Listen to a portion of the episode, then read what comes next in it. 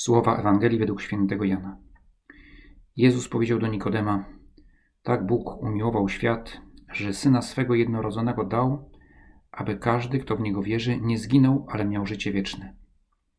Albowiem Bóg nie posłał swego syna na świat po to, aby świat potępił, ale po to, by świat został przez niego zbawiony. Kto wierzy w niego, nie podlega potępieniu, a kto nie wierzy, już został potępiony, bo nie uwierzył w imię jednorodzonego syna Bożego. A sąd polega na tym, że światło przyszło na świat, lecz ludzie bardziej umiłowali ciemność aniżeli światło, bo złe były ich uczynki.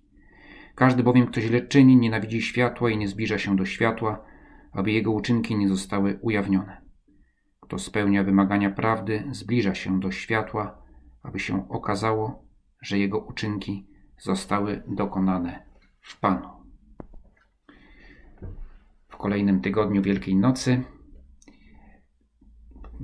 okresu wielkanocnego, w którym cieszymy się zmartwychwstaniem Pana Jezusa w ramach tego naszego programu duchowego GPS-a, rozważamy kolejne sakramenty. Krzyż Pana Jezusa, Jego męka, Jego zmartwychwstanie, które właśnie świętowaliśmy tydzień temu, jest wynikiem miłości Boga. To jest oczywiste. Ale uwaga, to nie jest taki jednorazowy wybuch miłosierdzia.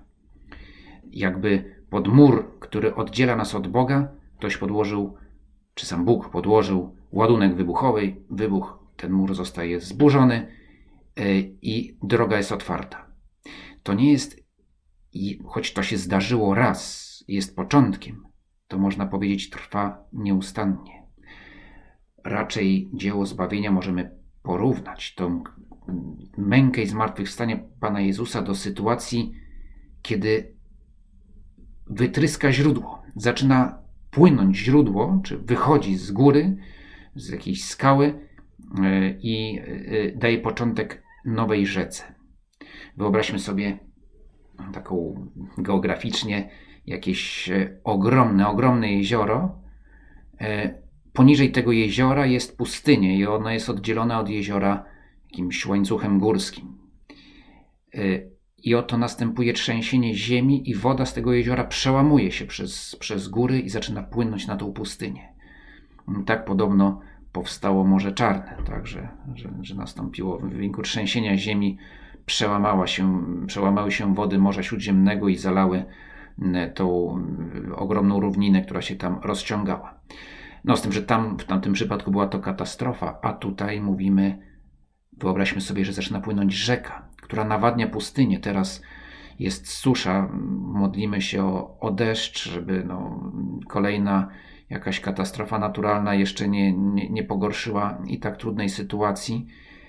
Yy, może tym łatwiej nam zrozumieć to, czy zobaczyć to, ten obraz rzeki, która płynie przez pustynię i sprawia, że pustynia zamienia się yy, w ogród.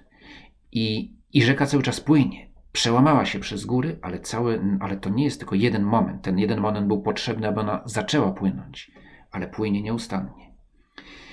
I tym są sakramenty, ciągle bijące źródło miłości Boga.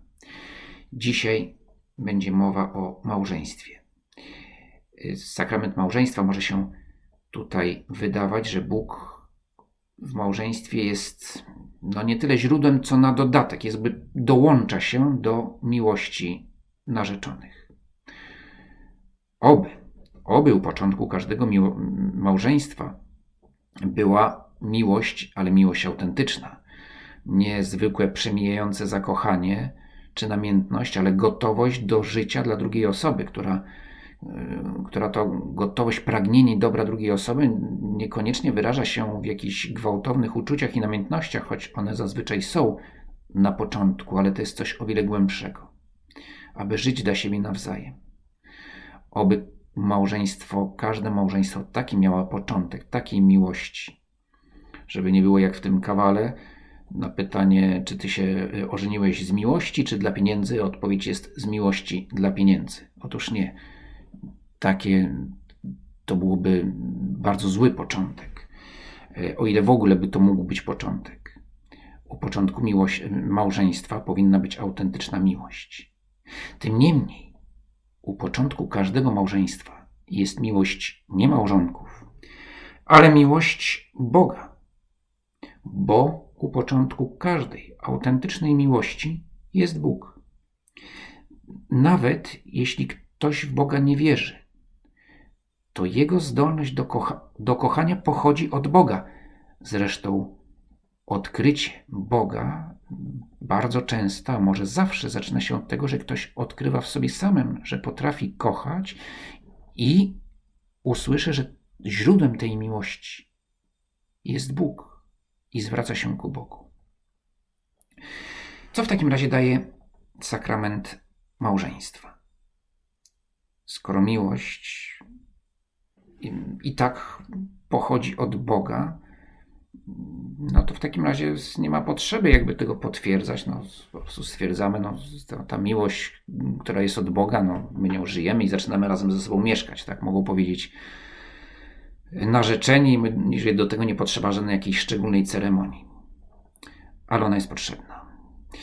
E, I jest potrzebne uznanie tego, że u, mi, u początku miłości, każdej miłości i tej miłości e, jej i jego jest Bóg.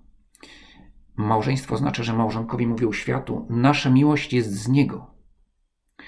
Bo małżeństwo nie jest tylko dla małżonków, trzeba to powiedzieć światu. To nie jest sprawa osobista dwóch osób, mężczyzny i kobiety, którzy się pokochali.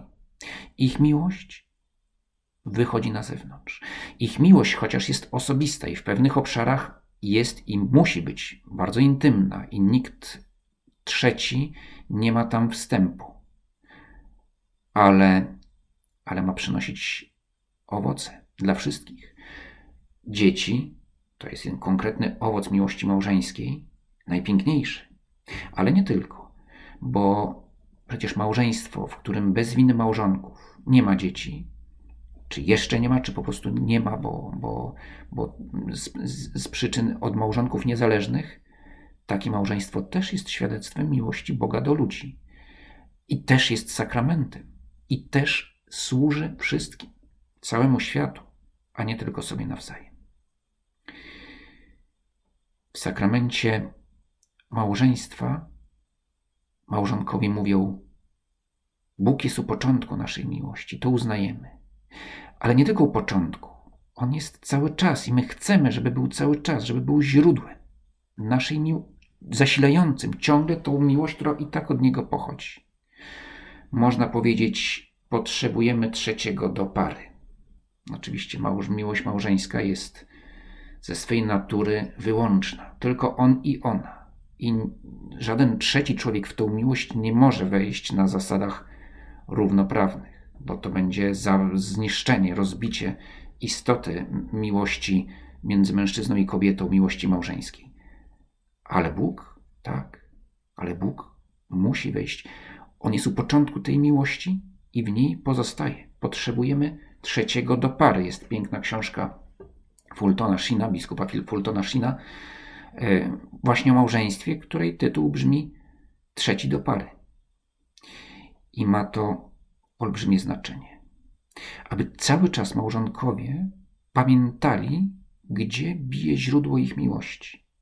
I temu służy ta szczególna łaska, którą utrzymują w sakramencie małżeństwa. Że mają dostęp do źródła, albo mogą, znaczy mają dostęp, mogą z tego skorzystać lub nie. To nie jest, że małżeństwo automatycznie daje już miłość wierną i trwałą. Nie, tą miłość się ciągle zdobywa. Tylko że małżonkowie wiedzą, gdzie jest jej źródło. I jeśli to wiedzą, to przejdą każdy kryzys. Kiedy namiętności wygasną, kiedy pojawi się proza życia, jest taka piosenka proza życia, to przy, której mm, jedna ze zwrotek mówi proza życia to przyjaźni grób. Nie, tak nie jest. Może stać się, jeżeli nie, nie zobaczymy, że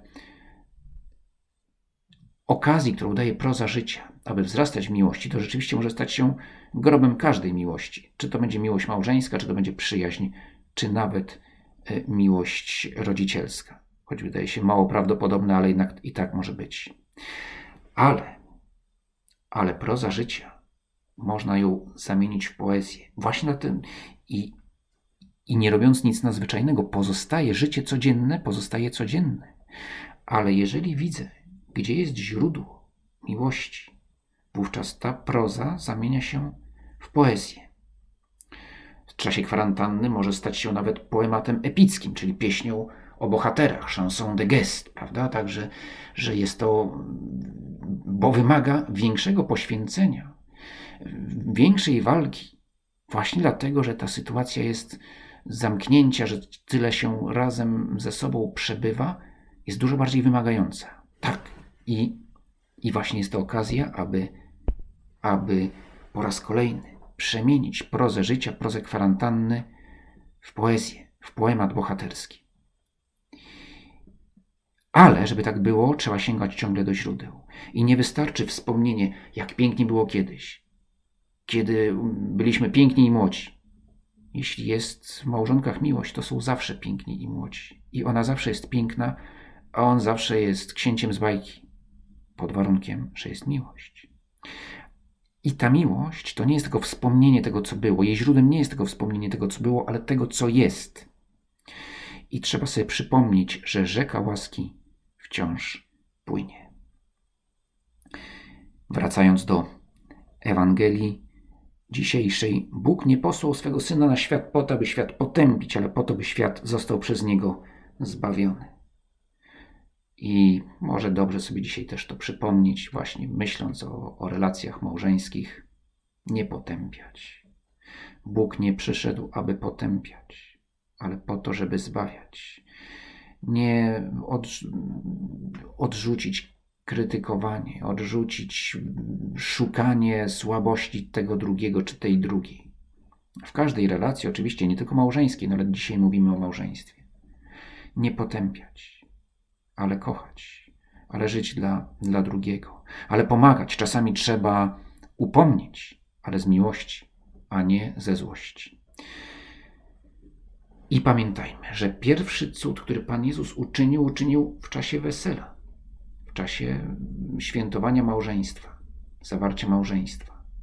I pamiętajmy, że ten pierwszy cud uczynił, bo poprosiła go o to jego matka.